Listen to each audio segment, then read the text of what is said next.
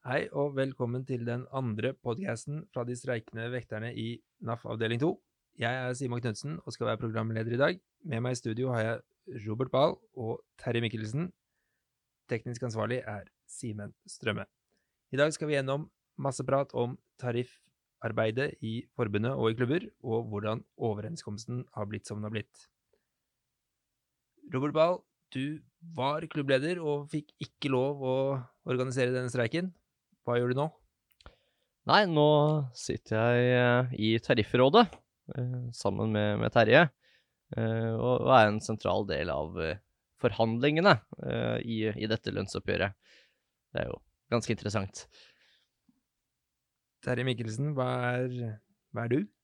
Ja, jeg. Eh, jeg er forbundssekretær, valgt forbundssekretær eh, fra 2015. Eh, og har eh, ansvar for eh, vaktbransjen i, i, forbundet.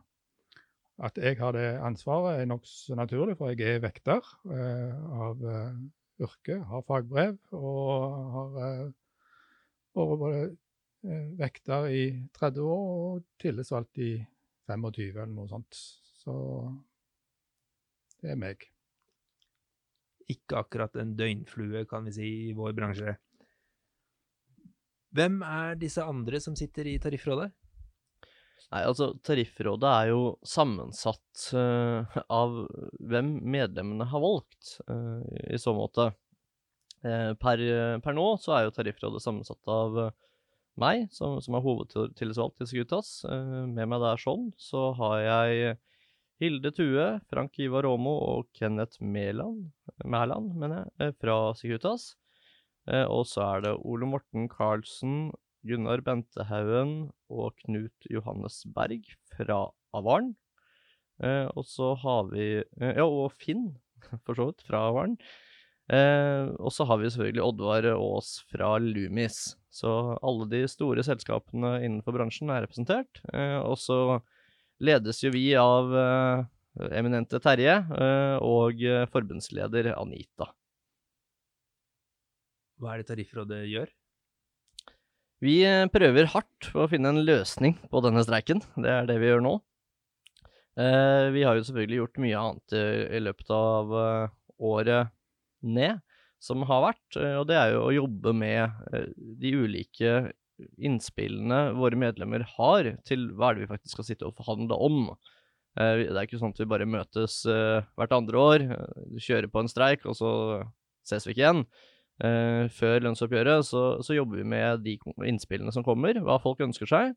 Setter det sammen og, og formulerer da kravene. Hvordan endte dere opp i Tariffrådet? Vi uh, er alle sammen valgt inn dit. Uh, det er jo avdelingene i Norsk Arbeidsmannsforbund som, som, spiller inn kandidater til det. og etter at avdelingene har gjort det, så, så er det jo sånn at forbundet gjør noen valg. Det kan jo Terje ta litt om. Ja, dette er jo forankra i, i, vedtektene våre at eh, hver høst før et hovedtariffoppgjør så skal det nedsettes et tariff, tariffråd, og det velges av landsstyret i forbundet. Eh, og eh, da er det som Robert sier, altså alle, det går ut en invitasjon på våren før der igjen. Eh, altså et år før selve tariffoppgjøret starter. En invitasjon til alle avdelingene og sende inn kandidater til, som de ønsker skal sitte i tariffrådet foretar vi en vurdering eh, i forbundet sentralt eh, hvem som bør sitte. Eh, og da vurderer vi både bedrift, eh, avdeling, eh, kompetanse, erfaring og alt sånt. Så leverer vi en innstilling til forbundsstyret, som igjen leverer en innstilling til landsstyret, og så blir han valgt på det landsstyret. Så det er en bred demokratisk prosess. Bare for å understreke det òg. Eh, landsstyret og forbundsstyret eh, i Norsk Arbeidsmannsforbund er også valgt av medlemmer på eh, landsmøtet til Norsk Arbeidsmannsforbund. Så det er demokrati i hele linja her. Ja. Kan du si noe mer om tariffarbeidet, Terje? Ja, eh, altså tariffarbeidet det er egentlig årsaken til at forbundet eksisterer. Eller egentlig årsaken til at alle forbund eksisterer. Det er jo det som en gjør for, gjennom tariffarbeidet. En i all hovedsak eh, forhandler fram eh, rettigheter og goder for, eh, for, medlemmene Så, så, så det, det, er kjernevirksomheten til, til forbundet. Eh, og det, det, er jo sånn at det er Annethvert år i Norge så er det hovedtariffoppgjør. Og da, eh, Før det så da starter arbeidet allerede et års tid i forkant med det som jeg nevnte, om at eh, en sender ut eh, til avdelingen at de må komme med innspill til kandidater til tariffråd. De må begynne å forberede tariffkonferanser og, og forberede medlemmene på at nå kan de begynne å sende inn forslag til det forestående tariffoppgjøret. Og da er det sånn at eh, da begynner avdelingen å jobbe med dette, helst på våren året før. Og utover høsten da, eh, året før så pleier det å arrangeres tariffkonferanser rundt i alle avdelingene, hvor de behandler disse forslagene som er kommet inn og samtidig òg eh, eventuelt komme opp med nye forslag med de tillitsvalgte som er samla på disse tariffkonferansene. Etter det så blir alt dette fra alle avdelingene det blir sendt inn til forbundet sentralt og samordna alle forslagene. Der er vakt er tradisjonelt en av de gruppene som sender inn mest forslag. Vekterne er veldig aktive, og det setter vi stor pris på. Eh, og så er det en tariffkonferanse i, eh, som pleier alltid å være i slutten av februar eh, året før, hvor Tariffrådet setter seg ned, behandler alle forslag som er kommet inn, og grupperer disse, prioriterer, og som Robert sa, utarbeide de konkrete tarifforslagene. Og da er en på en måte i gang. Hvor mange forslag var det til dette oppgjøret her, husker noen det? Eh, Tariffrådet eh, leverte fra seg til arbeidsgiver 27 krav, eh, og det, de 27 kravene er en sammensetning av alle kravene som er innsendt. Så det vil si at alle forslag er ivaretatt. Når det er sagt, så, så er det jo godt over hundretallet. Ja, jeg tror det var 130-140 eller noe sånt ja. forslag. Men det går jo mye på det samme, så derfor ble jo disse sammenstilt på en måte. og, og ja, ikke sant. Og, da er det sånn at hvis du har eh, tre forslag som sier at vi vil ha eh, 99 kroner timen for natt, og vi vil ha 28 kroner timen for natt, og vi vil ha 176 kroner timen for natt, så, så, blir jo da forslaget vårt vi vil ha en økning av nattillegg. Eh, for da, da har vi ivaretatt alle innspillene på det. Og hvordan ble det, disse krav og forslag mottatt i forhandlingene? Nei. Nei. Ja, Nei, var... jeg kan si det 27 ganger, men, men det, var det, det var den korte versjonen. Mm, og Det er litt spesielt for dette oppgjøret. Eh, eh, det er Robert sin første gang. Jeg har vært med noen ganger før. Eh, og når vi har møtt tidligere, så har vi møtt og hatt eh, diskusjoner rundt forslagene. Nå er det jo sånn at Før eh, oppgjøret starta nå i høst, altså det utsatte oppgjøret, så hadde NHO sentralt eh, samla seg om en, en sånn eh, prinsipputtalelse som sa at ingen skulle få noen ting eh, i noen eh, oppgjør eller i noen forhandlinger. Og Det sto eh, NHO Service eh, lojalt bak og sa nei til alt. Så vi fikk ikke kommet i gang med forhandlingene. Og Det har nok satt tonen for hele dette oppgjøret og er litt av årsaken til at vi sitter der vi sitter nå i denne streiken. Kan dere si noe om forskjellen på de ordinære forhandlingene og forhandlinger hos Riksmekleren?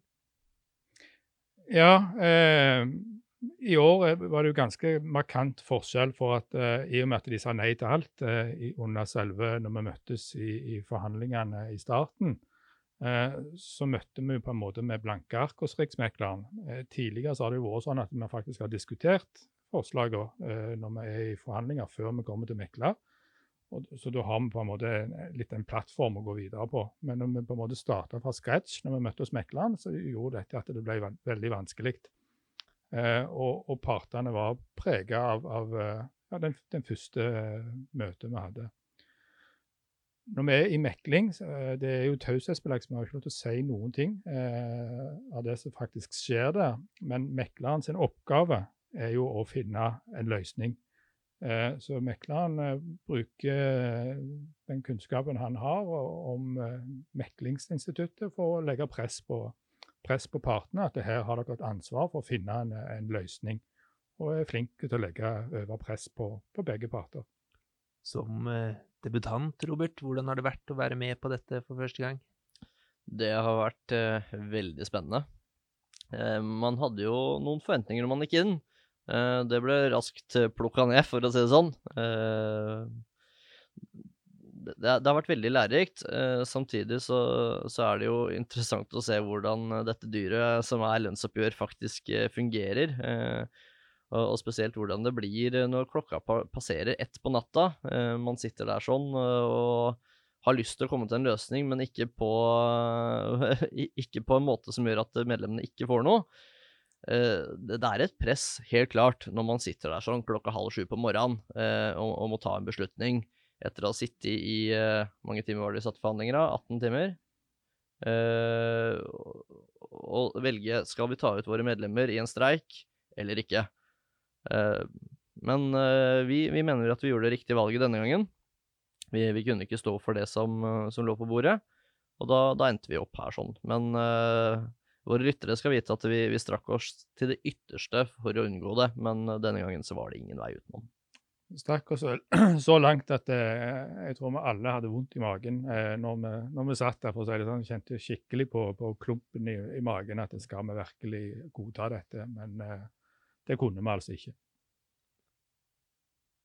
Det har vært mye eh, diskusjoner, spesielt da også på Facebook-gruppen, om noen av de vilkårene som Parat til slutt gikk med på.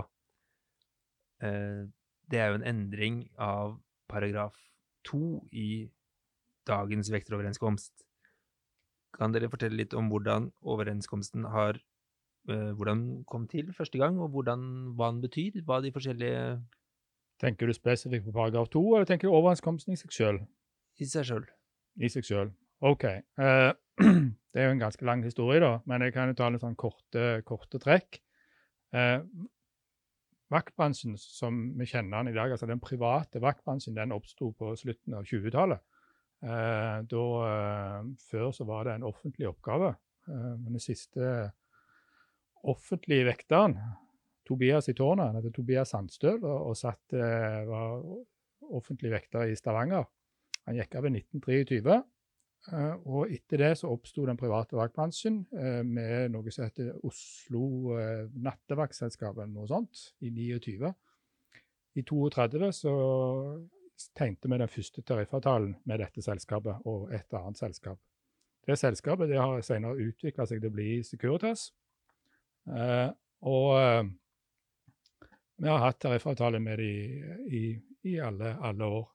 Så har det ikke vært noe særlig stor utvikling fra da og fram til midten av 70-tallet. Da begynte det på en måte vaktbransjen å utvikle seg. Før det så var det nattevakter. Det var folk som jobbet på natta og sykla rundt på nettene og sånt. Eh, så helt fram til 1986 faktisk, så var vekteroverenskomsten en intern overenskomst, eller en særavtale i Securitas. Men i 86 så ble han gjort gjeldende for, eh, for hele bransjen. da. Så egentlig kan jeg si at vekteroverenskomsten sånn som han framstår i dag, eh, ble født i 1986. Så sånn sett er han ganske ny, men eh, røttene ligger tilbake til 32. da. Vekterne diskuterer jo gjerne noe som heter Som ikke står der, som de kaller risikotillegg. Hvorfor er det ikke noe som er risikotillegg i overenskomsten? Det er jo vanskelig å putte en pris på risiko, da. Eh, det er, det er spørsmålet hvor mye skal du ha for å bli slått ned på jobb.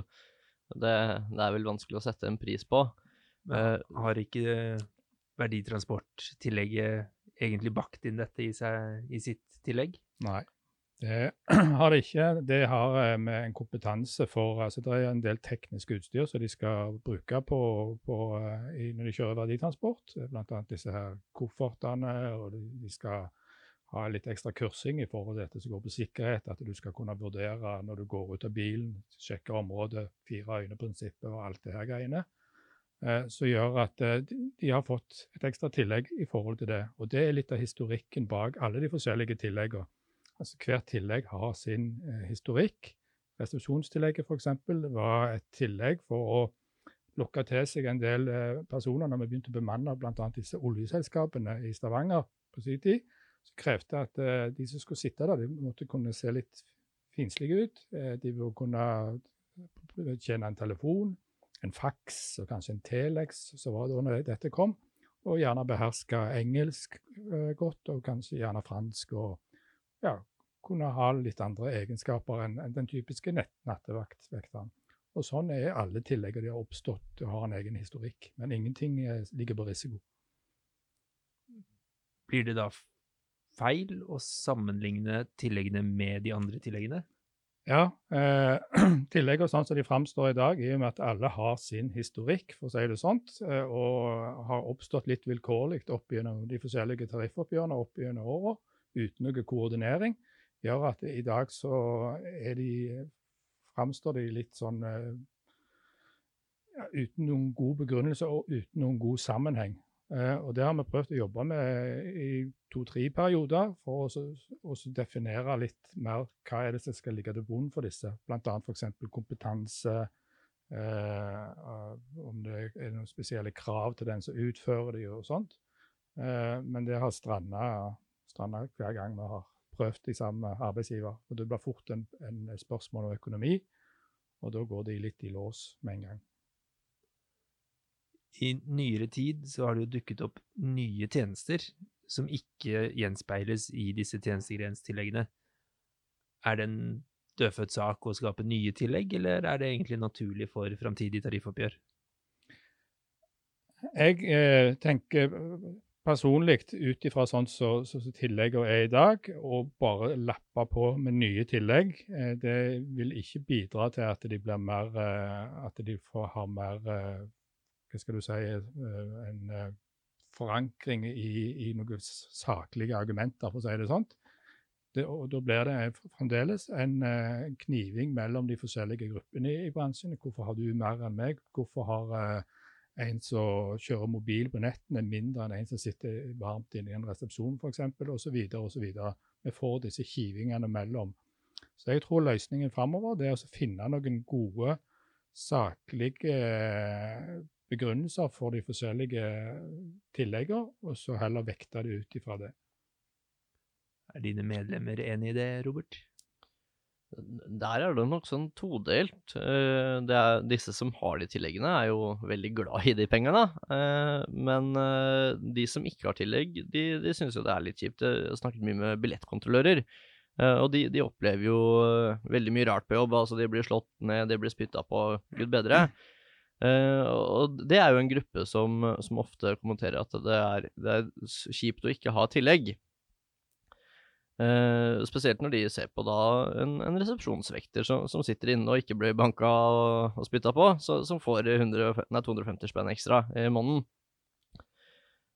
Uh, jeg, jeg tror det alltid, så lenge det er en, en økonomisk skilnad på de ulike tjenestene, tror jeg alltid det vil være en diskusjon. Men jeg oppfatter i hvert fall selv at eh, folk er, er både forvirra på hvordan man skal løse det, men det er ingen som egentlig har noen klar løsning heller. Eh, Så enn så lenge så, så står de nå der, eh, og hvis noen har noen gode forslag, så eh, er jo dette en sak å sende inn til tariffoppgjøret. Har forbundet eller tariffrådet noen plan for hvor de skal føre vekteroverenskomsten videre? Svaret på det er at det er opp til medlemmene. Altså, Tariffrådet sin eh, oppgave eh, er jo å behandle de innkomne, innkomne forslag. Eh, vi er veldig opptatt av at, at alle prosesser som er i forbundet, at de skal være demokratiske. at Det skal starte nede, at det skal komme fra, fra medlemmene. Eh, men eh, vi tenker jo eh, Vi har jo våre tanker, vi har jo diskutert i Tariffrådet og sånt. Og eh, vi ser jo eh, noen utfordringer, og en av utfordringene er jo kanskje nettopp dette med, med, med disse tilleggene som slår ut skjevt. Eh, en annen ting som vi har sett på, det er disse ulempetilleggene. Eh, de, natt og helg. De er jo, eh, skal kompensere for den ulempen det er å jobbe natt og helg. Spesielt natt og jobbe turnus er jo eh, belastende både for helsa, men også for det sosiale livet. Og da er, eh, kan kanskje én ting være at vi blir kompensert eh, med at han får litt kortere arbeidstid istedenfor. Uh, kanskje vi skulle spille inn det framover i oppgjøret framover. Få han ekstra, litt ekstra fri, men å ha samme lønn, selvfølgelig. Jeg husker fra min klubbs årsmøte, så tok vi opp at vi ville ha eh, økt pensjonstilleggene. da de ikke lenger matcher hva de var da de ble innført. Hvorfor følger ikke disse tilleggene med prisvekst og andre utviklinger? Du har helt rett i det. Eh, eh, funksjonstillegget hadde en større verdi tidligere når de ble innført. De var en større prosentmessig andel av, av, eh, av lønna. De har jo blitt justert litt, men egentlig ikke noe, noe veldig mye. Og jeg vil nok si at de kanskje ikke gjenspeiler det ansvaret som faktisk områdeleder og vaktleder og, og ja, siste heter objektleder har. Eh, men det igjen er på bakgrunn av de innspillene som kommer fra medlemmene. Eh, vi hadde med i dette oppgjøret òg en økning på, på, på alle, disse, eh, alle, disse, funksjonene. Eh, men det ja, Nå er ikke streiken slutt, eller når ikke oppgjøret slutt, så, så, hva fasiten blir, det, det, det, vet vi jo ikke. Men uh, det blir tatt med, men, men, det er ikke det som kommer fra, fra brorparten av medlemmene. Det er det, det er det ikke. Det som folk er veldig opptatt av, det er jo lønn, ikke minst. altså Grunnlønna er jo den som er den viktigste. Og så er det veldig mye på ulempetillegg. Du har nevnt det tidligere, Terje, men Robert, kan du fortelle litt om tariffarbeidet i klubb? Når starter det, hvem deltar, hva blir resultatene? Ja, det kan jeg gjøre. Det begynner jo med at uh, avdelingene i forbundet uh, sender ut informasjon til uh, klubbene i, sitt område om at nå er vårens vakreste eventyr i gang, nemlig lønnsoppgjøret. Så nå må dere begynne å jobbe med å innhente forslag fra medlemmene. Da er det klubbene sitt ansvar å begynne å avholde medlemsmøter. Det vil si at vi inviterer våre medlemmer til pizza og lønnsoppgjør. Hvor eh, man, har en, en, samtale med medlemmene direkte eh, og, og, sier at nå, folkens, nå skal vi få inn innspill til hva vil dere at skal være temaene i neste års lønnsoppgjør. Og Da samler man en gruppe med de som ønsker å delta, dette er åpent for alle medlemmer.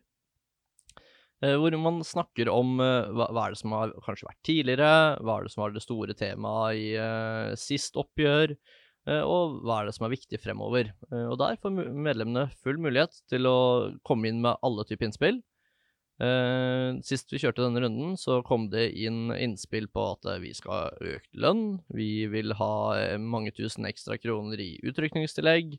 Altså, det er alt fra A til Å som kommer inn i dette. Uh, fra det møtet, uh, som avholdes på, på klubbnivå, da, så, så, settes det opp en, en protokoll Uh, hvor man skriver inn alle forslag som medlemmene har kommet uh, inn med. Hvem som deltok, hvor mange som steller seg bak de kravene. Og så sender man det inn til avdelingen. Og, og da vil jo avdelingen motta en, en smørbrødliste, ofte, med, med krav, som sier noe om at på, på, dette medlemsmøtet her sånn, så var det 40 medlemmer som deltok. Eh, det var eh, Av de 40 så ville 38 stykker ha en opptrappingsplan for eh, lønnsutviklingen. Alle 40 ville ha forskuttering av sykepenger, osv., osv. Uh, og da, da begynner man jo å se konturene ikke sant, av hva det skal diskuteres. Har klubbene anledning til å spørre forbundet om hjelp til å lage sine tariffkrav? Ja, naturligvis. Det er jo bare fantasien som setter begrensninger her sånn. Uh, hvis en klubb f.eks. skal avholde et, et, slikt møte, så er det ingenting i veien for å invitere inn et, uh, et av medlemmene i de tidligere tariffrådene, eller nåværende tariffråd, for å komme og snakke om uh, historikken og kravene, og hva som kan være realistisk, og hva som er urealistisk. Det, det, er jo mange i, i de ulike klubbene som har vært med på dette før i ulike nivåer. Så, så, her er det bare å være kreativ og, og tenke lurt. Uh, som medlem, da, uh, så har man anledning til å sende inn forslag på to måter. Det ene er at man, man sender en henvendelse direkte til avdelingen i forbundet uh, på, på, vegne av seg selv. Eh, eller man kan da sende inn forslag til klubben. og forskjellen på de to er jo litt sånn interessant. for hvis du som medlem sender inn direkte, så, så er det på vegne av én person. Eh, men hvis man sender inn dette forslaget til f.eks. For Oslo Akershus Økteklubb i Securitas, uh, og den klubben vedtar at dette forslaget her er vår viktigste prioritet La oss ta et enkelt eksempel som forskuttering av sykepenger. eh, og dette blir behandlet på de ulike møtene, og alle sier at eh, dette er vårt viktigste krav, da er det plutselig 800 medlemmer eh, som har stelt seg bak det kravet. Eh, og, og, det vil jo være veldig førende for, for videre arbeid, da, å si at dette her er et særdeles viktig krav for veldig mange. Så, så, så, min oppfordring er at bruk klubbene, bruk de tillitsvalgte i dette arbeidet. Vær aktiv som medlem. Med noe om hvordan lønn du vil ha i framtiden, hva som er viktig, uh, og, send det inn. Uh, og så er det sånn at disse kravene handler jo ikke bare om spenn. Det handler jo vel så mye om, om tekst. Hvis, hvis, du som medlem da ser at det er en, en lyd i tariffavtalen, eller en ordlyd i tariffavtalen som er passer dårlig, som ikke funker, eh, så send inn et forslag på det som kan gjøre det bedre. Kom og delta på møtet, ta en debatt på det. Eh, og så er det sikkert flere som mener det samme. Eh, og på den måten så får vi jo endret de tekstlige delene i tariffavtalen også, som er, er vel så viktig. 2020 er jo et annerledes år. Um, men når er det klubbene må gjøre dette her for neste oppgjør? Dette må klubbene og avdelingene begynne med allerede i 2021, eh, altså om en måned. Eh, så, så, vi sitter jo på tampen av ett oppgjør og, og begynner å planlegge neste. Eh, tariffkonferansene for neste hovedoppgjør, altså 2022, de vil jo antakeligvis være i september-oktober 2021. Eh, og hvis klubbene skal ha klart å sende inn noe til disse tariffkonferansene, Eh, så, så, bør jo de begynne å gjennomføre disse møtene i uh, august-september, eller kanskje gjerne før, uh, hvis det er anledning til det. Uh, og det, det, som er interessant, er jo disse tariffkonferansene også, og det er jo avdelingen som, som avholder denne og er ansvarlig. Der har jo også medlemmer anledning til å delta. Dette er jo åpen invitasjon, så langt plassene gjelder, spesielt i, i pandemitider. Eh, hvor man kan da komme sammen med klubben og, og fronte disse krava, eh, og, og, være med at de, de, viktige sakene for våre medlemmer går med hele veien. Det er ikke sånn at noen sitter noe sted og siler ut og mener at dette var teit, dette var fornuftig. Det, dette er demokrati hele veien. Og det er ganske artig, vi var på en tariffkonferanse i fjor, Eh, for dette årets oppgjør. Og det er ikke bare bare å si at eh, det ene kravet her, det er fornuftig. Det er ganske mye debatter på dette her sånn. Så man kan fort finne på å sitte og diskutere et, et krav i en time. Eh, men det som er fint med det, er at da har man sett alle mulige vurderinger av det, og, og får som regel sendt det beste forslaget på, på den problemstillingen, da, eller det, den saken, inn videre. Og jo mer som kommer inn som er velbegrunnet velformulert, eh, jo enklere vil arbeidet til oss som sitter i det sentrale tariffrådet være når vi skal lese gjennom disse 140-200 forslagene som kommer inn fra alle medlemmene, og forstå hva er det folk mener, hvor er det folk vil, eh, hva er det som er de viktigste sakene for medlemmene våre. Arbeidet starter med andre ord i klubb. Det medlemsdemokratiet går gjennom forbundet hele veien, fra fra folka på gulvet til øverste forbundssekretær? Så jeg vil si at arbeidet starter faktisk enda før det. Arbeidet starter eh, blant medlemmene våre rundt den kaffekoppen på arbeidsplassen, hvor de sitter og er eh, Altså, la oss si du jobber med to kollegaer på en brakkerigg, eh, eller på en anleggsplass, og du har en, en kjip og dårlig brakkerigg som er lite isolert, det er ikke noe varme, det er ingenting der. Da begynner faktisk arbeidet der sånn, med at uh, de som jobber der, skal si at uh, dette her er ikke bra nok, vi må få noe inn i tariffavtalen for å ha bedre arbeidsforhold på vår arbeidsplass. Altså, allerede der så har man da startet et tariffkrav, og, og, kan begynne å jobbe med å utvikle dette til noe som faktisk kan legges på bordet. Så, så ta praten på, på arbeidsplassen. Hva, hva, er det man egentlig trenger der sånn? Og ta dem inn videre. Alt som omhandler lønn og arbeidsvilkår, hvordan man har det på jobb, er åpent for forhandling. Det gjenstår å se, men en eller annen gang så må jo disse forhandlingene gå mot en slutt. Hva skjer da? Ja. Det som skjer da, er at uh, Tariffrådet har akseptert en løsning uh, med arbeidsgiver, og da sendes den løsningen ut til en avstemning blant alle medlemmer i vaktbransjen. Da er det de enkelte medlemmet sin plikt til å stemme ja eller nei på det forslaget, om de er da fornøyd eller ikke fornøyd. Så kan du ta litt mer tekniske, Terje. Ja, eh, bare en liten korrigering. Det er ikke alle medlemmer i vaktbransjen som har anledning til å stemme. Det er de medlemmene som er omfattet av eh, tariffavtalen, som har anledning til å stemme. De som per, i dag er plassoppsagt, som det heter. Eh, det blir sendt ut eh, ganske øyeblikkelig etter vi har funnet en eller annen løsning. Så sender en ut eh, protokollen. Eller nå lenger sender en ikke ut, nå er alt digitalt. Eh, så det blir sendt ut en SMS til alle medlemmer eh, med en link hvor de kan gå inn og finne protokollen og finne eh, eh, kommentarene fra forhandlingsleder og vurderinger av oppgjøret så langt, og avgi sin stemme. Og da stemmer en enten ja eller en stemmer nei. Holder det med et simpelt flertall, eller er det noe krav om deltakelse? Det er krav om, eh, om deltakelse. Eh, dette følger litt av eh, hovedavtalen, eh, som sier det at eh, dersom det ikke er Altså, uttrykket i hovedavtalen det er at, at eh, resultatet av avstengningen skal gi et fullgyldig, eh, litt rart ord, eh, uttrykk for medlemmenes eh, mening. Og da eh, sier en det at hvis det er mindre enn jeg tror det er to tredjedeler eller noe sånt som har stemt, så er det en rådgivende men, eh, avstemning. Men i all praksis så legger en til grunn eh, et simpelt flertall. Og så er det nok mange som tenker det, at det, er ikke så mye vits i å avgi stemme, for det er så mange som stemmer uansett, så min stemme betyr ikke så mye. Og da tenker jeg Det kan være greit for å nevne oppgjøret i 2006, når det var første gang vi spilte inn dette med å løfte oss opp mot industriarbeiderlønn. Det var et ganske krevende oppgjør, hvor vi satt langt på morgenen og krangla så fillene føyk internt. Eh, Det gjør vi ofte i dette. Det er, høy, eh, det er høyt under taket, for å si det sånt.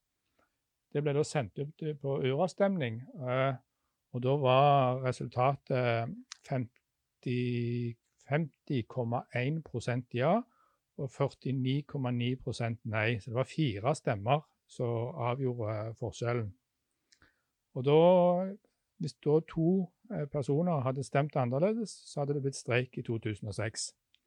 Eh, Så at stemmen ikke betyr noe, det er ikke sant. Alle må delta i denne, denne prosessen.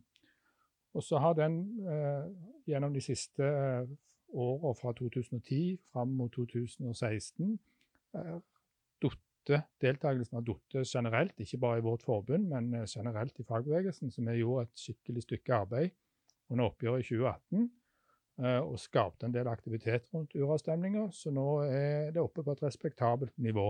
Eh, Jeg tror vi var oppe i 70-80 i, i vaktbransjen sist. Og det håper vi og forventer, iallfall med den oppmerksomheten som denne konflikten har fått, at det, vi begynner å nærme oss eh, 100% på deltakelse. Hvordan blir det for dere i Tariffrådet å få et utydelig resultat på denne uravstemningen? Det gjør det jo vanskeligere. Eh, da, er det vanskelig for oss å vite eh, hva er det medlemmene syns var, eh, var bra og dårlig i dette her. Hvis vi får et, et knalltydelig ja, så, så ser vi ok, medlemmene var tilfreds med dette denne gangen. Hvis vi får et knalltydelig nei, ok, eh, det legger lista, for da blir det jo nye forhandlinger og potensielt en ny streik. Eh, og da, da er det jo veldig greit å se at ok, folka våre mener nei, dette er ikke bra nok, da, da må vi kjøre på knallhardt. Får vi et sånn derre midt på treet-resultat, så, så er det veldig vanskelig å finne ut hvor man skal legge trøkket. Eh, og, og det sender jo også noen signaler for senere oppgjør uh, i forhold til hva medlemmene forventer. Uh, et 50-50-resultat, det sender jo et sinnssykt sterkt eller, signal til neste oppgjør. At nå må arbeidsgiverne faktisk tenke litt over hvordan gikk det sist. Hvis ikke så kan man risikere en ny streik. Eh, men det, det viktigste for oss er at medlemmene er åpne og ærlige i tilbakemeldingene. eh, går inn og gir sin stemme, eh, om det er for eller imot. Det er opp til det enkelte medlemmet. Og, og bruk også tiden i etterkant på, på å gi åpne og ærlige tilbakemeldinger til, til de tillitsvalgte, som, som igjen kan føre det opp treet, så, så vi får alle tilbakemeldinger vi trenger på det. Og så er det jo sånn i alle oppgjør Alle blir ikke 100 fornøyde, det, det vet man jo. Eh, men vi prøver jo å få landet et resultat som gjør at eh, man er tilfreds med det, og, og kan gå tilbake på jobb, da. Ja, Tommy og Tigeren sier jo at et godt kompromiss, er alle misfornøyd. Det er første regelen i forhandlinger. Har du noen ord du vil avslutte med, Terje? Ja, eh, denne streiken er jo spesiell. Altså, Vekterne har jo eh, streika før, eh, vi kan det. Men eh, når vi har holdt på nå i ti uker, eller hva det er, så gjør det at det, det er en historisk lang streik. Og, og det har vært det er tøft for, for medlemmene der ute. Eh, de, og det er tøft for de tillitsvalgte, og det er tøft for hele organisasjonen. Men samtidig så, så må jeg si at eh, jeg er fantastisk stolt over å få lov til å representere vekterne. Altså, den iveren og kampgløden som de har vist i, gjennom hele konflikten, det er helt eksepsjonelt. Altså, Vaktbransjen har nå vist at de står i front i eh, servicebransjen og i lavtlønnssegmentet. At de er faktisk de som har både mulighet, styrke og vilje til å, å ta kampen for uh, ikke bare seg sjøl, men for arbeidslivet generelt. Og Det skal alle medlemmene og alle tillitsvalgte ha en kjempetakk for. Og så håper vi at vi får en god avslutning på dette.